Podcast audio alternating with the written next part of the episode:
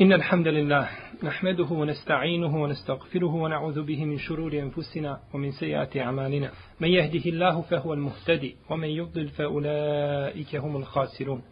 وأشهد أن لا إله إلا الله وحده لا شريك له. وأشهد أن محمدا عبده ونبيه ورسوله وصفيه من خلقه وخليله.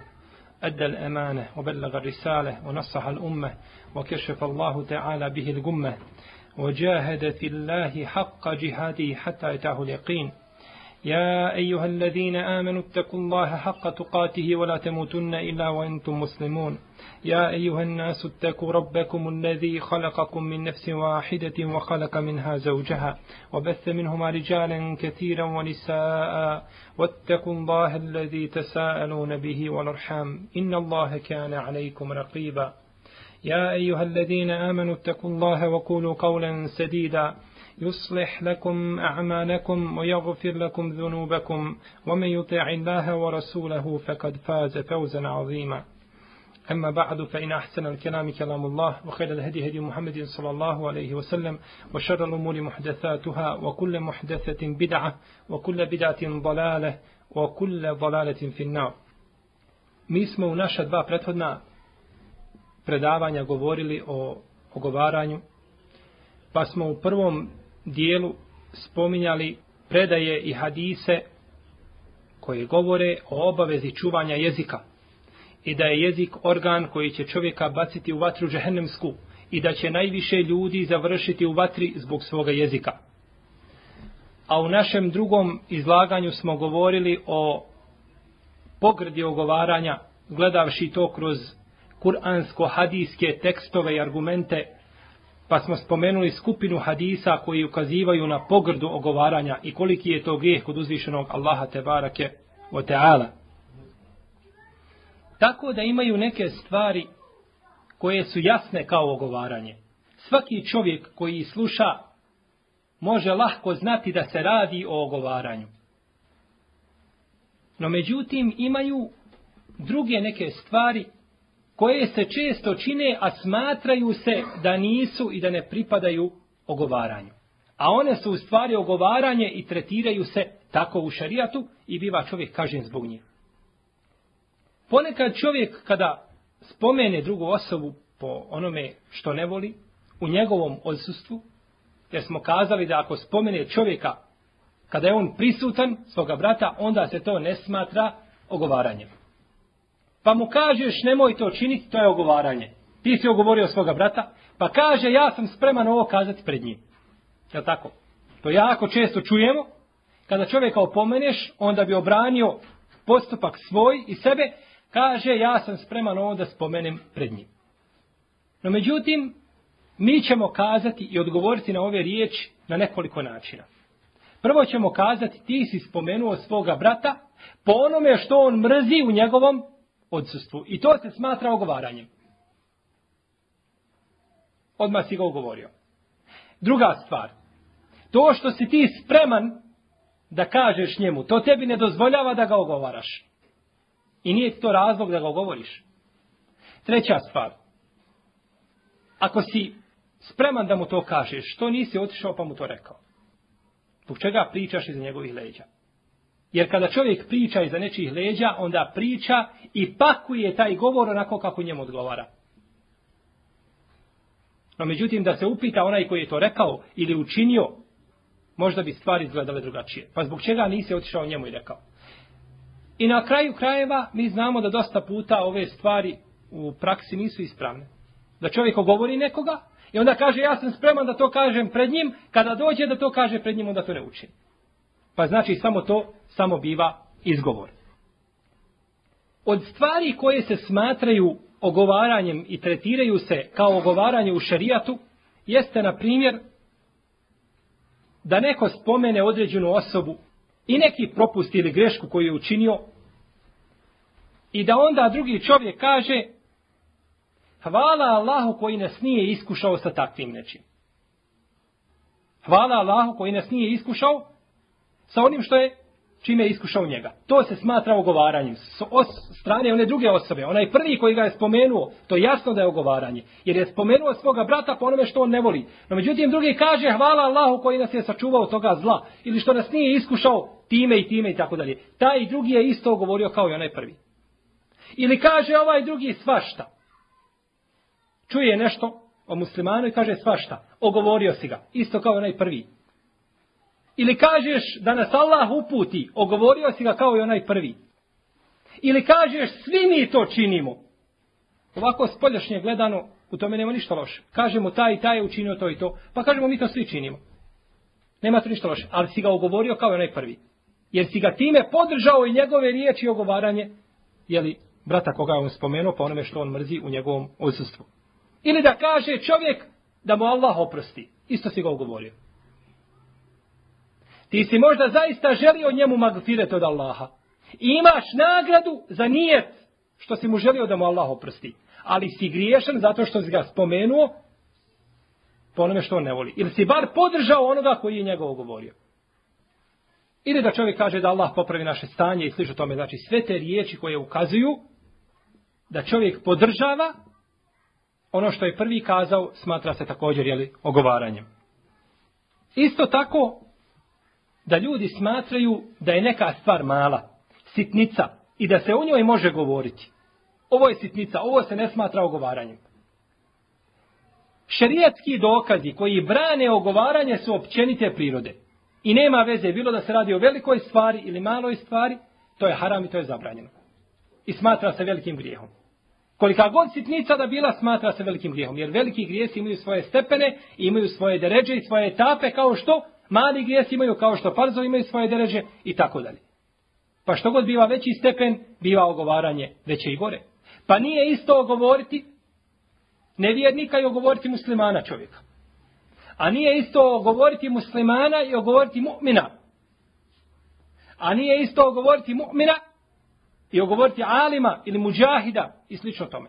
To su znači stepeni. Što god čovjek ide, znači ogovara osobu koja je bliža Allahu Tebarake barake teala i koja je pobožnija, utoliko biva jeli, ogovaranje gore i grđe. Isto tako da čovjek kaže ja mogu njega ogovarati jer je on veliki griješnik.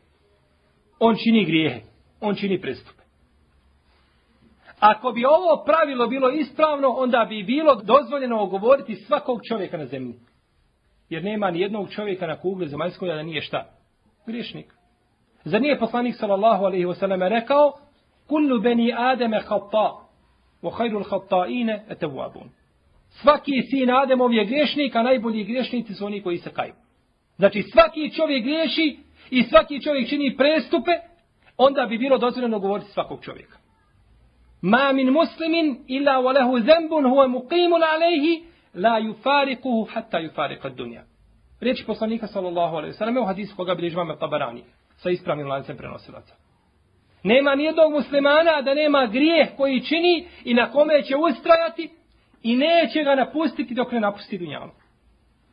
Pa kada vidite čovjeka da kaže Alhamdulillah ja sam se riješio grijeha, nemam grijeha i ne činim grijeha, onda mu lahko odgovorimo sa ovim hadisom. Ne, ne, ne, ne. Ti imaš grije, znao ga ili ga ne znao, ali ga činiš. Javno ili tajno, svjesno ili nesvjesno, ima grijeh koji činiš i koga nećeš ostaviti dok ne završiš u kaburu. Kad završiš u kaburu, završiš ćeš tim grijehom, Zato što ga tada više ne možeš činiti.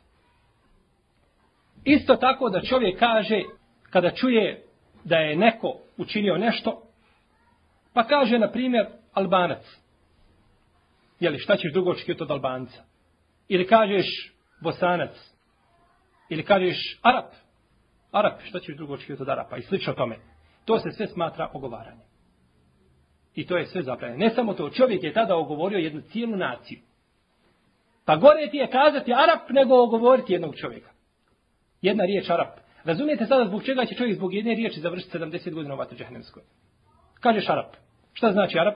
300 miliona muslimana ili koliko već ima Arapa, ti si joj govorio. Potvorio si bar hiljada ili desetine hiljada od njih. Nisu svi oni isti. Možda jedna nacija ima određene propuste. Ali nemaju svi ljudi iz te nacije, to je nemoguće. Da svi ljudi ne valjuju. Pa kažeš Arapi da čovjek kaže neki od njih su takvi nije ispravno. A kako onda da čovjek kaže da objedini znači i da trpa se u jedan te isti koš što je sigurno zabranjeno i to nikako nije dozvoljeno. Ima nekoliko razloga koji navode čovjeka da ogovori svoga brata muslimana. Jer svaka bolest, a posebno bolest ogovaranja se braća moja mora liješiti u svome korijenu. Pa da čovjek zna razloge koji vode ga kao ogovaranju. Šta ga to navede da ogovori određenu osobu? Islamski učenjaci kažu prvi razlog jeste da čovjek mrzi nekoga. Što smo spominjali u prethodnom predavanju, wala te. I nemojte se mrziti. Jer kada se budete mrzili, onda ćete jedni druge ogovarati, jedni drugima leđa okretati, jedni druge ogovarati, međusobno veze kidati i tako dalje. Pa je znači mržnja prema određenoj osobi prvi razlog da čovjeka navede da ga da ogovara, znači tu osobu. A uzvišeni Allah te barake o teala kaže وَسَارِعُوا إِلَى مَغْفِرَةٍ مِّن رَبِّكُمْ وَجَنَّةٍ عَرْضُهَا السَّمَاوَاتُ وَالْأَرْضِ عِدَّةً الْمُتَّقِينَ I požurite kao oprostu gospodara svoga i džennetu, čija su prostranstva kao nebesa i zemlja. Pripremljena za bogobojazne. Ellezine yunfikune fis sarai wad dara wal kadhimin al ghayb. Koji daju javno i tajno i koji svoju srđbu i svoju ljutnju i svoju mržnju suzbijaju. Pa je znači ovaj ajet dokaz da čovjek treba svoju ljutnju i svoju mržnju suzbijati, a ne treba je znači rasplamsavati, ne treba znači mrziti svoga brata muslimana. I kazao je poslanik sallallahu alejhi ve selleme: "Men kadama ghayzan wa huwa qadirun ala an yunfizahu دعه الله على رؤوس الخلائق يوم القيامة حتى يخيره من الحور العين ويزوجه منها ما شاء ko svoju sržbu suzbije, a može da je ispolji. Ovo je jako bitno. Može čovjek da je ispolji. Naprimjer, vladar se razljutio i može svoju sržbu da ispolji i da naudi svojim podanicima. Pa je suzbije i suzdrži se. Znači nije čovjek koji se razljutio, obični čovjek razljutio se i ne može nikome zlo nanijeti. On suzbio svoju sržbu i da ne suzbio to jedno te isto. No, međutim, čovjek se razljuti i može svojom sržbom nanijeti zlo drugim ljudima, pa je šta? Suzbije i strpi se, kaže, pozvaće ga uzvišeni Allah te barak je otala na sudnjem danu pred svim ljudima. Pa će mu dati da sebi izabere od hurike ono šta hoće. I koliko hoće. E ovo je za one koji misle samo o ženitbi. Jer ima muslimana danas koji sam njegov, svi njegovi problemi u njegovom životu jeste da oženi drugu ženu. I smatra kad oženi drugu ženu da je riješio svoj problem i na dunjalku i na hiretu. Da nikakve više problema nema. I to je sva njegova briga. Evo kako će dobiti ne jednu, ne dvije, ne tri, nego dobit će da izabere, kaže ovdje poslanik sa osram, maša, šta hoće? I koliko hoće? I kakvi hoće? I plavi i crni da bira kada suzbije svoju, znači, sržbu. Ovaj hadis su zabilježili sabirači sunena sa dobrim lancem prenosilaca od Muaza ibn Enesa, radi Allahu ta'ala anhu. Također, jedan od razloga koji navodi ljude da ogovaraju, a ja o ovoj temi ženitve imam dosta toga što bi volio kazati, no međutim, bojim se da nije vrijeme sad da o tome pričam. Drugi razlog koji govori i koji navodi čovjeka da ogovori svoga brata, jeste da čovjek bude u toku da ide sa svojim društvom onako kuda oni idu. Kada sjedi u jednoj halki, u jednom međlisu, šta oni čine da i on čini istu stvar. Da ne bi odstupao ili iskakao, da ne bi kazali pa ti nisi od nas, ti ne govoriš i ne radiš ono što mi, što mi ne radimo. Pa onda čovjek, znači, čini ono što čine oni koji su prisutni. A poslanik sallallahu alejhi ve selleme kaže: ko bude tražio zadovoljstvo ljudi u srđbi Allahovoj te barake o taala, Allah će ga prepustiti tim ljudima. Tražiš njihovo zadovoljstvo, a znaš da njihovim zadovoljstvom i sticanjem njihovog zadovoljstva srdiš gospodara te barak o otala, pa će te Allah prepustiti njima. A kada te prepusti njima, onda ti je zemljina utroba bolja od njene površine. Ovaj citirani, znači hadis su zabilježili, imam tirmizi i drugi sa vjerodostanim lancem prenosilaca. Treći razlog koji navodi čovjeka na ogovaranje jeste da bi izdignuo sebe, ponižava i ogovara drugog. Da bi tako izdignuo sebe. Jer kada čovjek dira u nekoga i ogovara ga i ponižava ga i poružom ga spominje time automatski hoće da izdigne sebe kazavši vidite kako ja nisam takav. Jer da je on isti takav ne bi sigurno to govorio.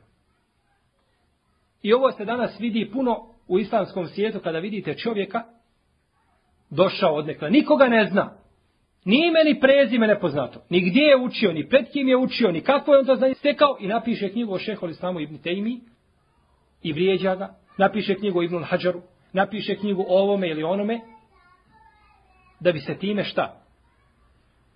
Raspoznavao ili da bi ga ljudi cijenili, da bi ljudi kazali kako je učen i tako dalje. Jer čovjek koji napada na Ibnu Tejmiju sigurno mora biti, znači, Ibnu Tejmiju ranga ili veći od njega.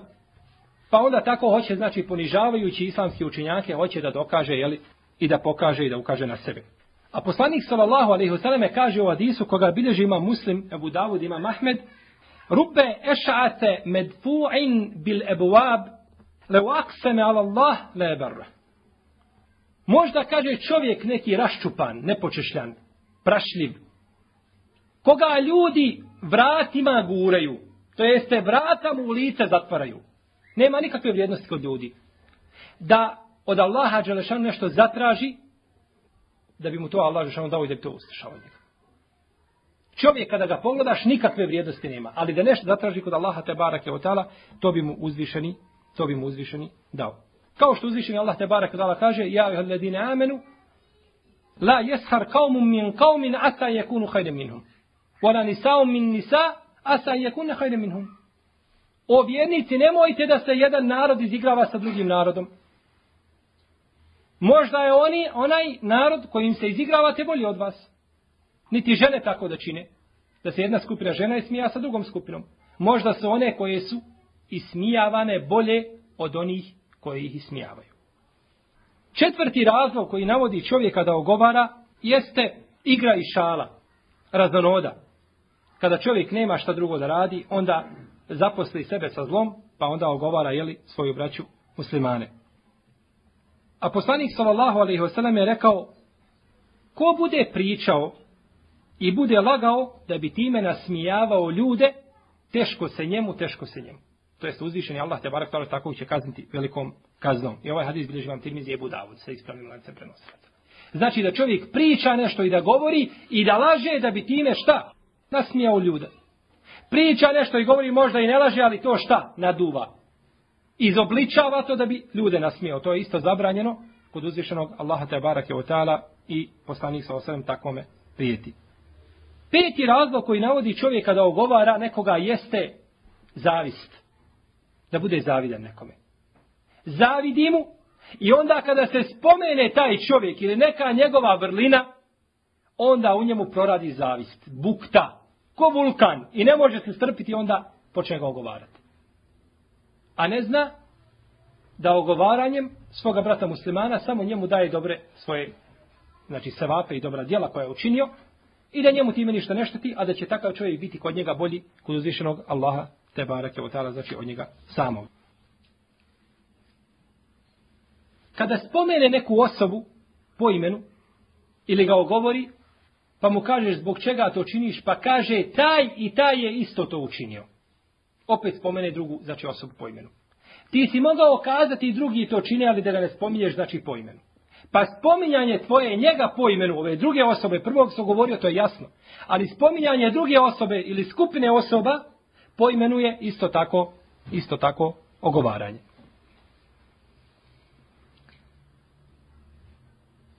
Da se čovjek razljuti na neku osobu i da ga spomene po imenu i da kaže uradio je tako i tako. Spominjanje njegovog imena je zabranjeno i to se znači smatra i tretira se isto tako ogovaranjem. Ili da kaže, nije ljut na njega, nego iz sažaljenja kaže, taj i taj je učinio to i to. Kaže, i boli me u duši i žao mi je zbog toga što je učinio. I žao mi je zbog onoga što ga je snašao. On je nagrađen, kao i onaj prije što smo spominjali, ako je iskren u svome nijetu, on je nagrađen zbog toga što žali i što želi pomoći svom bratu muslimanu, ali je kažen zbog toga što ga je ogovorio, jer ga je spomenuo po imenu, a nije znači smio spominjati njegovo ime. Isto tako stvar koja navodi čovjeka na ogovaranje jeste puno slobodnog vremena i dosada. Da se čovjek dosađiva. Ne zna šta šta će raditi. Hoda preko kuće, gleda lijevo, desno, upali televizor, ugaci televizor, ne zna šta će, ne zna šta će sa sobom. Ima vremena previše i ne zna kako će to vrijeme svoje iskoristiti, pa onda ubija to svoje vrijeme i ubija svoj život ogovarajući druge ljude. Pa gubi vrijeme svoje slobodno, dragocjeno, koje je zalog njegovog uspjeha i na drugoj strani jer ogovara svoga brata muslimana, što je zalog za njegovu svakako propast. A poslanik sallallahu sallam je rekao u poznatom hadisu koga bilježi imam tirmizi, neće se pomjeriti stopala čovjeka na sudnjem danu dok ne bude upitan za četvoru. I jedno od tih stvari jeste za svoj život u što ga je utrošio. Pa kad je Allah te barak je otala bude pitao u što se utrošio svoj život, kazat ćeš utrošio sam ga gospodaru moj u igri, u šali, u zabavi i u ogovaranju moje braće muslimana. Život. Za svaku minutu, za svaku sekundu svoga života čovjek će biti pita. Pa neka pripremi Allahu te barek od, od teala odgovor. Iz ovoga, braćo, vidimo kolika je važnost čovjeku da planira svoje vrijeme. Da planira svoj dan. Kada ujutro ustane da zna šta će raditi do naveče do postelje. Ako nema toga plana, neka računa da mu je dan propao. Kako ga god iskoristio, mogu ga iskoristiti na optimalni način. Jer, se, jer je naišlo, naišao jedan vremenski period kada čovjek nije imao planirano vrijeme. I kada čovjek nema planirano vrijeme, onda ne žuri da uradi ono što radi. Nego to rasteže i razvlači. A kada imaš planirano vrijeme, ovo moram do naveče završiti, moram tako i tako učiniti. Svako od nas kad dođe na radno mjesto ima isplanirano šta će jedan dan raditi. Svako ko dođe ima isplanirano šta mora završiti, šta treba uraditi. E tako mora i svoj plan planira znači svoje slobodno vrijeme da bi ga mogao iskoristiti na najoptimalniji način. Isto tako stvar koja vodi, a to je deseta je po redu, da neko ogovara nekoga, jeste kada čovjek hoće da se približi, na primjer, pretpostavljenima da je čovjek ima određenu funkciju nekoj ustanovi i tako dalje, pa hoće da se približi svome pretpostavljenom, pa onda ogovara ljude, odaje ih i slično tome. Znači, to je isto jedan od razloga koji vodi ljude da da ogovaraju jedni druge.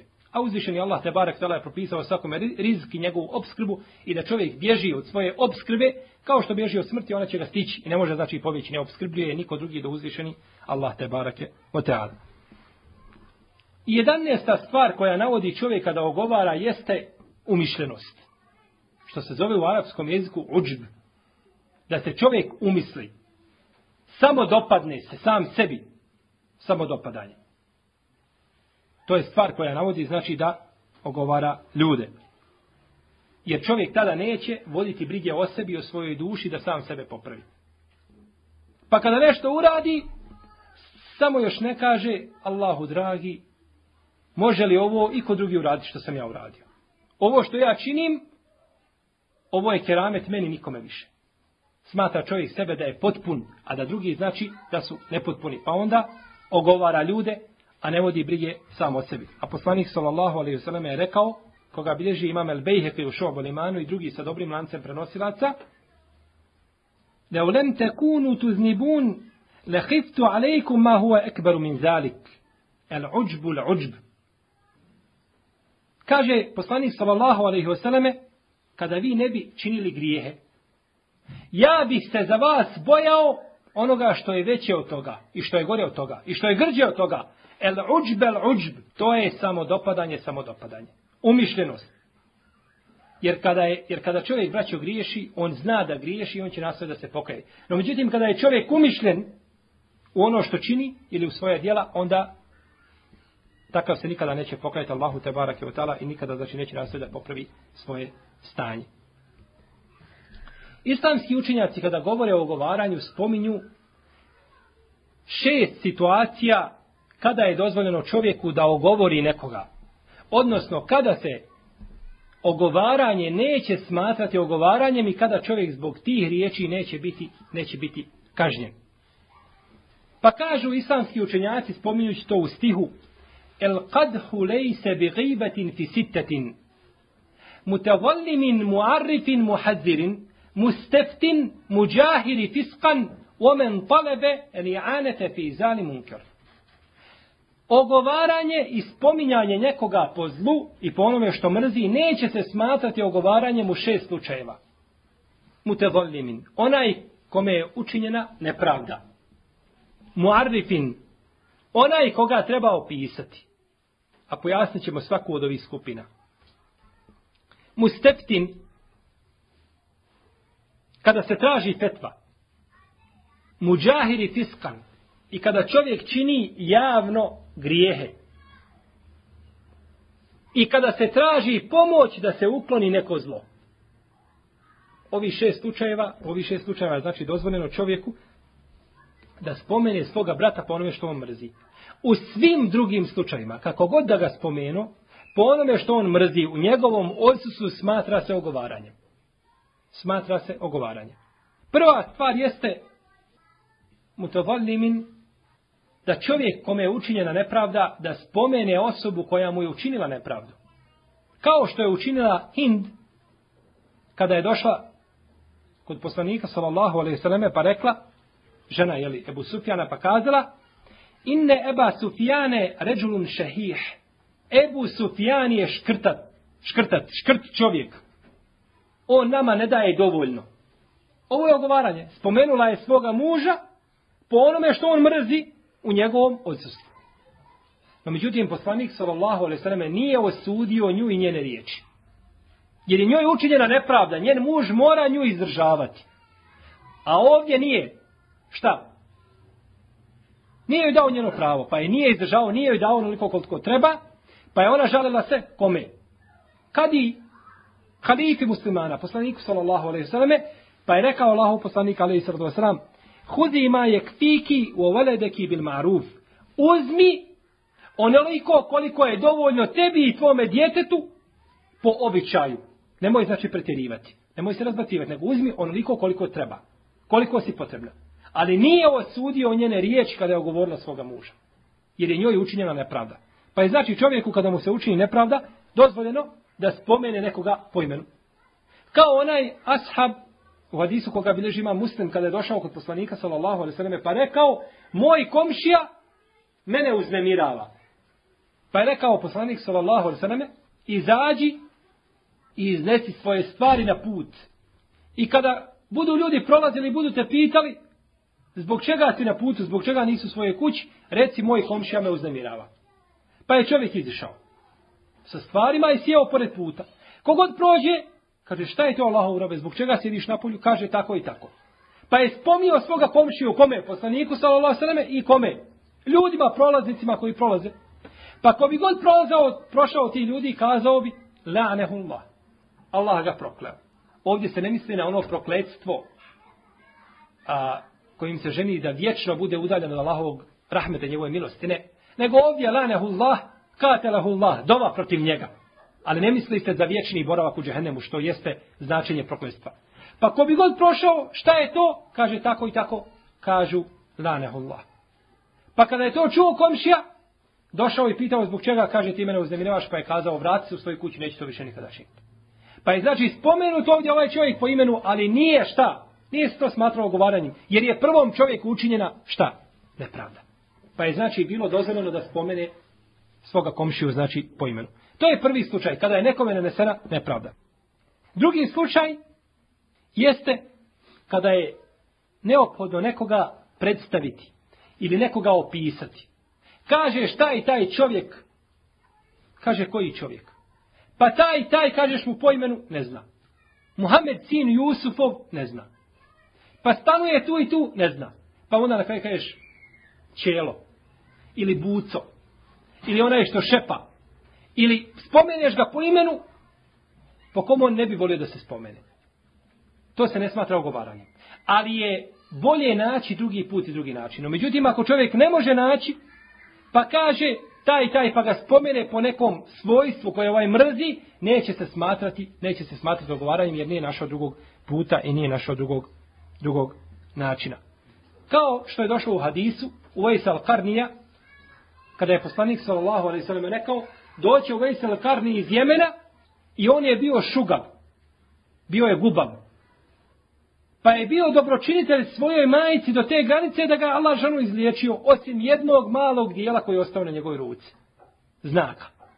Kada dođe iz Jemena, neka vam dovi. Pa je došao u vrijeme Omara, u vrijeme Hilafeta Omara, radijallahu došao je iz Jemena. Ovdje je on spomenut po čemu? Po šugi i po gubi. No međutim, to se nije smatralo ugovaranjem jer nije bilo možda drugog raša da se opiše. A pored toga, ovo se smatra šta? Ovo je vidi na kraju pohvalnog svojstva za Uvesal Alkarnija, zato što je bio dobročinitelj svoje majci. Ali ovdje spomenuta znači stvar koju on sigurno nije volio. Treća stvar jeste muhazirin da se ukaže na nečije zlo. Ovo je bilo jako poznato u prvim stoljećima Islama kada se govorilo o ravijama, o prenosiocima hadisa. Kad se kaže taj i taj je kezab, lažov. Voli li neki koji je lažov da se o njemu kaže da je lažov? Ne voli. Pa zato kada su kazali jednom islamskom učenjaku, mislim da je bio Ebu Hatim Razi, ti kaže govoriš o čovjeku takav i takav, imao slabo pamćenje, ne uzimaju se njegovi hadisi, a kaže možda su ti ljudi već u džennetu od davnih vremena. Pa ih ti, kaže, ogovaraš. Pa mu je rekao, kaže, da taj i taj koga sam ja po tvome mišljenju ogovorio, bude moj neprijatelj na sudnjem danu, draže mi je nego da bude moj neprijatelj Allahov poslanik sallallahu alejhi ve sellem. Pa ja govorim ovo iz dina, iz vjere, jer je govoriti o senedima i o lancima prenoslata, to je din i to je vjera. Kako kaže Sufene Seuri, leola senede, le kale men ša ma sha. Da nema seneda i lanca prenoslata, govorio bi ko š, kako, ko hoće i šta hoće. No međutim, ne može. Moraju biti lanci prenosilaca. I između nas i novotara jesu lanci prenoslaca. Jer novotar kad priča, niti lanca prenoslaca, niti izbora. Samo spominje. I samo priča, samo nabraja. A kod nas za sve znači treba lanac prenoslaca. Čak i knjige koje imamo moraju imati lance, lance prenosilaca. Također, da čovjek ukaže na nečije zlo. Na primjer, imamo čovjeka u Mahali ili u Sokaku gdje živimo, zajma i uzma pare, pozajmice, a nikome ne vraća. I čovjek dođe jednog dana u džamiju i posle džume namaza, ustane pred svim ljudima i kaže, braćo moja, taj i taj spomene ga po imenu. Zajima i uzima od ljude pare, od ljudi pare, a ne vraća ih. To se ne smatra ogovaranjem, to samo može biti ibadet Allahu te barek Jer je to ukazivanje na zlo, da se niko ne izigrava, znači da se ne može niko izigravati sa muslimanima. Također, čovjek, na primjer, čovjek hoće da se ženi, pa dođe i pitate šta misliš ti o toj toj porodici, toj toj familiji, o toj toj curi. Nešto misliš o njoj kao osobe, nego šta misliš o toj porodici i familiji. Pa ti mu kažeš, boj se Allaha, brate, ja ne smijem ogovarati nikoga. I okreneš se. To je zabranjeno. Ti moraš kazati takvi su i takvi su. Poznati su po dobru, po hajru, od dina i od vjere i od takve. Svako dobro se od njih čuje, nema zla i tako dalje. A ako ima zlo, onda moraš kazati, u najmanju ruku moraš ukazati ono što je neminovno da kažeš, na primjer, nije to djevojka za tebe. Ili da kažeš, nije to ono što ti tražiš i u tome smislu da mu ukažeš da to nije za njega. Pa neka on pita drugoga ko će mu kazati možda otvorenije. Ali ne smiješ tu prešutati. Tu se ne smije prešutati i ta priča se ne smatra ogovaranjem. Jer je to istina znači koja se mora, koja se mora kazati. Četvrta stvar jeste da čovjek dođe i da traži fetvu od muftije. Pita muftije za nešto. Taj i taj čovjek mi kaže ne da nasljedstva. Ma ko je taj čovjek? Kaže neću ti govoriti ko je jer da ga ne bi ogovorio. Ja sam se sa njim posadio, on mi ne da nasljedstvo, no međutim, neću ti ga spominjati da ga ne bi ogovorio. Ko je to? Pa kaže moj komšija. Pa dužan komšija da tebi da nasljedstvo. I drugi kaže to je moj babo. A babo ti je dužan. Pa znači mora znati muftija ko je taj ko ti ne da i ko ti brani tvoje nasljedstvo, ko ti učinio nepravdu. Muftija to mora znati. Pa ako je babo, onda zna kakav je propis. Ako je brat, ako je komšija dani i tako dalje. Pa je neko dužan da ti dadne, neko nije dužan, od nekoga će uzeti ovaj dio, od drugog ovaj dio i tako dalje. Pa se to razlikuje. Pa čovjek mora spomenuti onoga koji mu je učinio, znači koji mu je učinio nepravdu. Peta stvar kod koje se ogovaranje neće smatrati ogovaranjem jeste da čovjek žali se ili ukazuje na onoga koji javno griješi. Ukazuje na čovjeka koji javno čini grijehe. Velike ili male koji se neće da prođe i javno to pred ljudima čini i druge podstiče na to, na zlo se takvog mora ukazati. I neće se znači smatrati ukazivanje na njegove greške i propuste ili grijehe koje čini neće smatrati ogovaranje. Kao da čovjek je novotar, na primjer, čini novotarije. Novotarije su u šarijetu šta? Haram i zabranjene. Nije dozvoljeno čovjeku da čini bilo što od novotarija. I čovjek neprestano čini novotarije i odvlači ljude u novotarije i poziva ljude ka novotariji i tako dalje. To je zlo koje čini. To je veće zlo nego da čini i velike i male grije. Jer šetan nakon kufra i nevjerstva prvo u šta poziva čovjeka jeste novotarije. Jer je to najlakši put da ode u kufr i da ode u nevjerstvo. Pa čovjek koji znači čini takve prestupe mora se znači upozoriti na njegovo zlo koje čini. I šesta stvar jeste da čovjek traži od organa bezbjednosti ili od vladara i tako dalje da se ukloni neko zlo. Ima neko zlo koje treba ukloniti. Pa ode kod vladara kaže ima to i to zlo, treba ga ukloniti. Koga čini, kaže neću kazati da ne bude ogovaranje. Moraš kada čini ga taj i taj, da se može otići njemu i da se znači može spriješiti u zlu koje čini.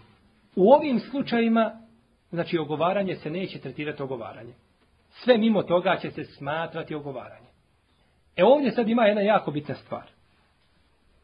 Nakon prošleg predavanja, do pretprošleg, jedan brat mi je rekao, kada pogledamo ogovaranje i pogledamo naše prve generacije, kako su one čuvale svoj jezik i kako su pazile na ovo, onda je nama najbolje da sjedimo u svojim kućama i da ne izlazimo. Jer čovjek gdje god da dođe, što god da učini, izgleda će kao da je učinio neko šta, zlo, ogovaranje, prenio riječi i tako dalje.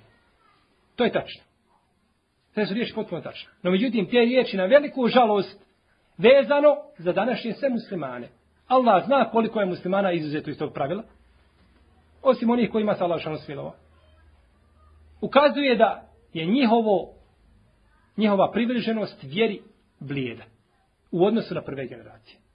Jer kod njih čuvanje jezika od ogovaranja i tako dalje je bila potpuno normalna stvar kao kod nas jelo i piće. Kada dođe jedan kod njih, jednom pa ga ogovori, ovaj mu odnese poklon, datula mu odnese jednu, pregršt jednu, i kaže, ovo ti je, kaže, poklon od mene. Kaže, zbog čega? Kaže, ti si meni poklonio svoja dobra djela, da ja tebi nešto poklonim. Jer je poslanik, sallallahu sallam, rekao, kada vam neko uči neko dobro, revanširajte mu se. A ja se tebe revanširam sa hurmama, a ti si meni dao svoja dobra djela. Ili kad dođe čovjek da priča nekome kako ga je ogovorio taj taj, pa mu kaže taj taj je kazao tebi to i to, kaže subhanallah. Kaže, zar nije šeitan mogao naći drugog poštara mimo tebe? Ti si jedini šeitanski poštar koga on našao? Pa nisu prihvatali te riječi. Znači, bili su daleko od toga. Između njih i ogovaranja je bio paravan. Drugi kada priča o svom bratu muslimanu, kaže, u redu, kaže, jesi li se borio protiv Rimljana, protiv Bizantijaca, jesi li ubijao mušrike i nevjernike sa istoka i sa zapada, kaže nisam, kaže subhanallah. Oni su mirni od tvoga jezika i od tvojih ruku, a nije od tvoga jezika miran tvoj brat muslima. Znači bili su daleko od toga. Pa je nama u našim uvjetima i na način kako mi živimo i kako shvatamo vjeru, jako teško da prakticiramo ove stvari i smatramo da to nisu bili ljudi, da su to bili meleki i smatramo da mi to ne možemo činiti. E onda ovdje se vidi znači kolika je naša udaljenost od onoga na čemu su bile naše prve generacije. Pa je zato neminovno znači čovjeku da nastoji da nastoji da se sačuva ogovaranja i prenošenja riječi i svega onoga što Allah te barak je mrzi koliko može. Ovdje bi samo još na kraju spomenuo jedan ili dva hadisa koji ukazuju kolika je odlika i kolika je vrijednost čovjeku da obrani svoga brata muslimana. Jer kada vidimo da neko ogovara brata muslimana i govori o njemu ružno i pogrdno, onda mu je dužnost da ga obrani. Mora ga obraniti. I mora stati znači u njegovu, u njegovu odbranu. Kaže poslanik sallallahu alejhi ve sellem u hadisu koga bilježi imam Tirmizi i drugi sa dobrim lancem prenosilaca men radde an irdi akhihi kana lahu hijaban min an-nar ko obrani svoga brata muslimana to će biti njemu zastorom od vatre na sudnjem danu U drugoj predaji koju isto bilježi imam Tirmizi koja je dobra, kaže poslanik sallallahu alejhi ve selleme, ko obrani svoga brata muslimana u njegovom odsustvu, Allah će te barek dala sačuvati njegovo lice od vatre džehennemske na sudnjem danu. A u predaji koju bilježi imam Ebu Davud, koja je također dobra, ima dobar lanac prenosilaca, kaže poslanik sallallahu alejhi ve selleme, ko zaštiti i obrani svoga brata muslimana od munafika, Uzvišeni Allah te barak je otala će na sudnjem danu poslati meleka koji će njega braniti od vatre džehennemske.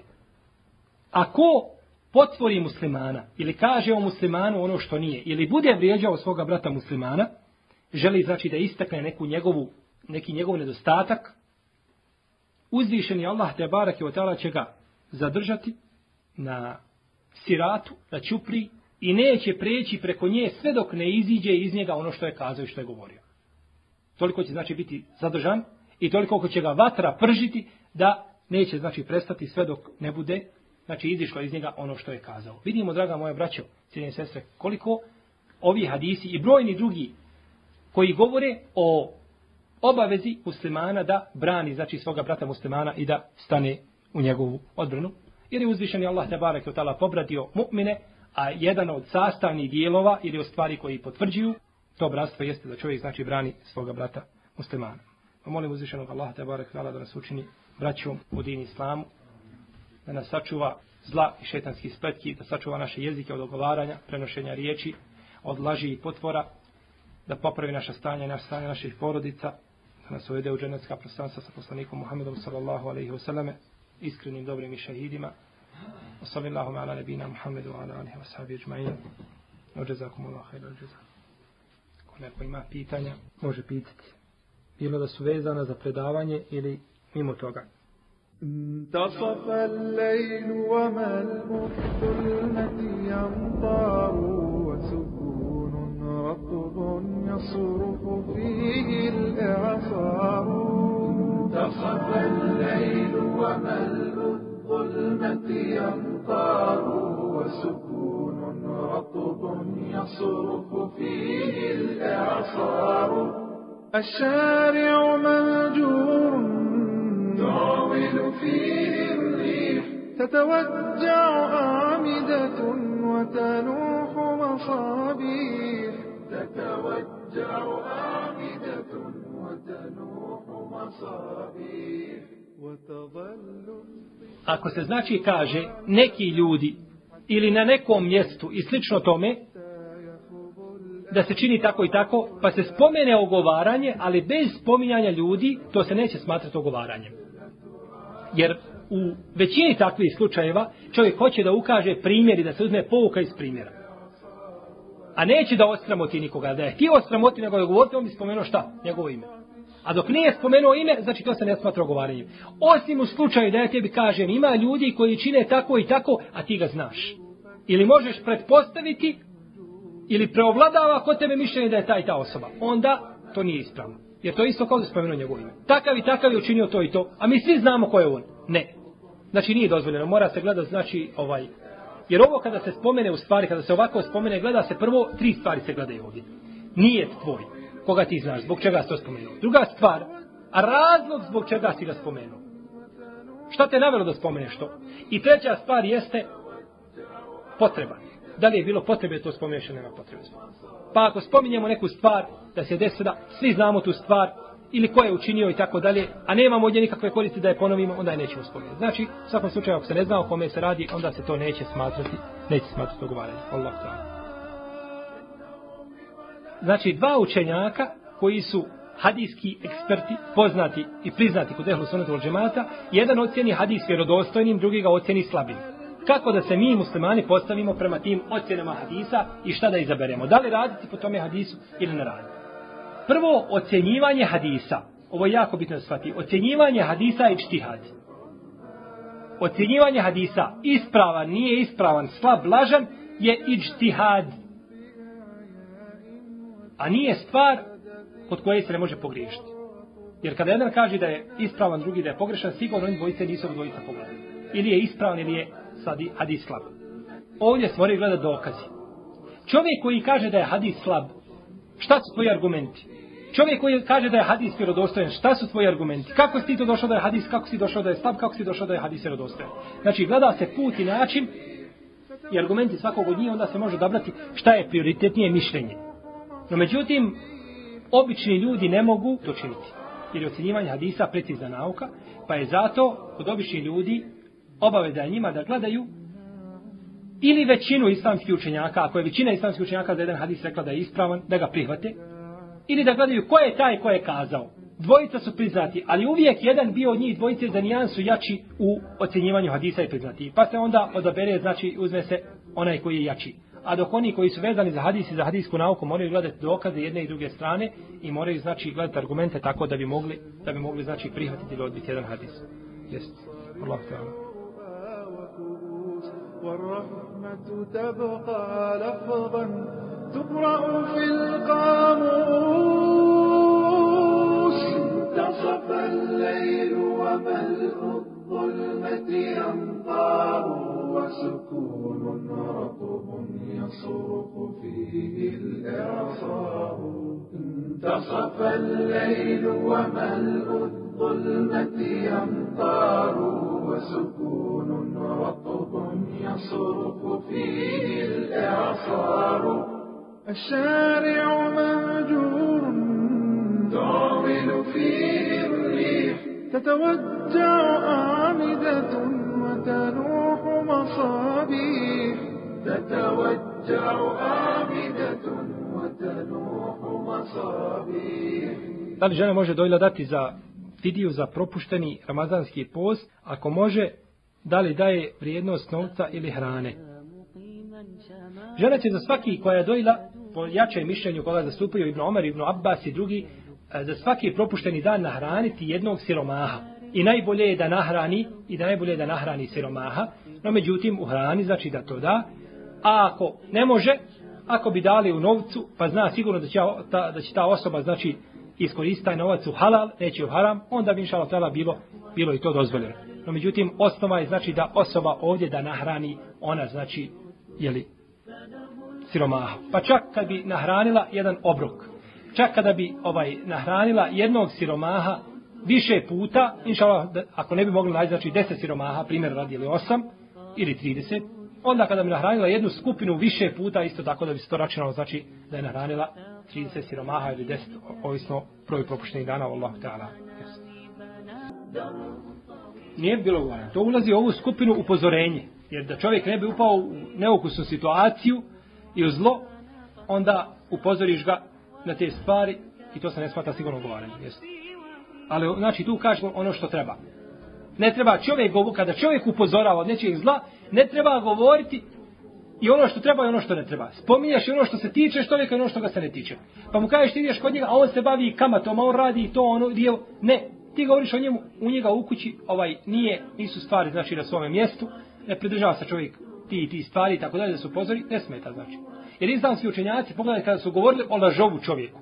Spominju, na primjer, čovjeka, radio je to i to, radio je to i to, neke njegove odlike na kraju kaže, ulakinnahu kezab, No, međutim, on je lažov. I tu stane. Lažov, jedna riječ. Jer kažu, lej se bizak. Nije on taj koji je za hadis. Samo to. Nije ga postavio na sto i uzduži popreku.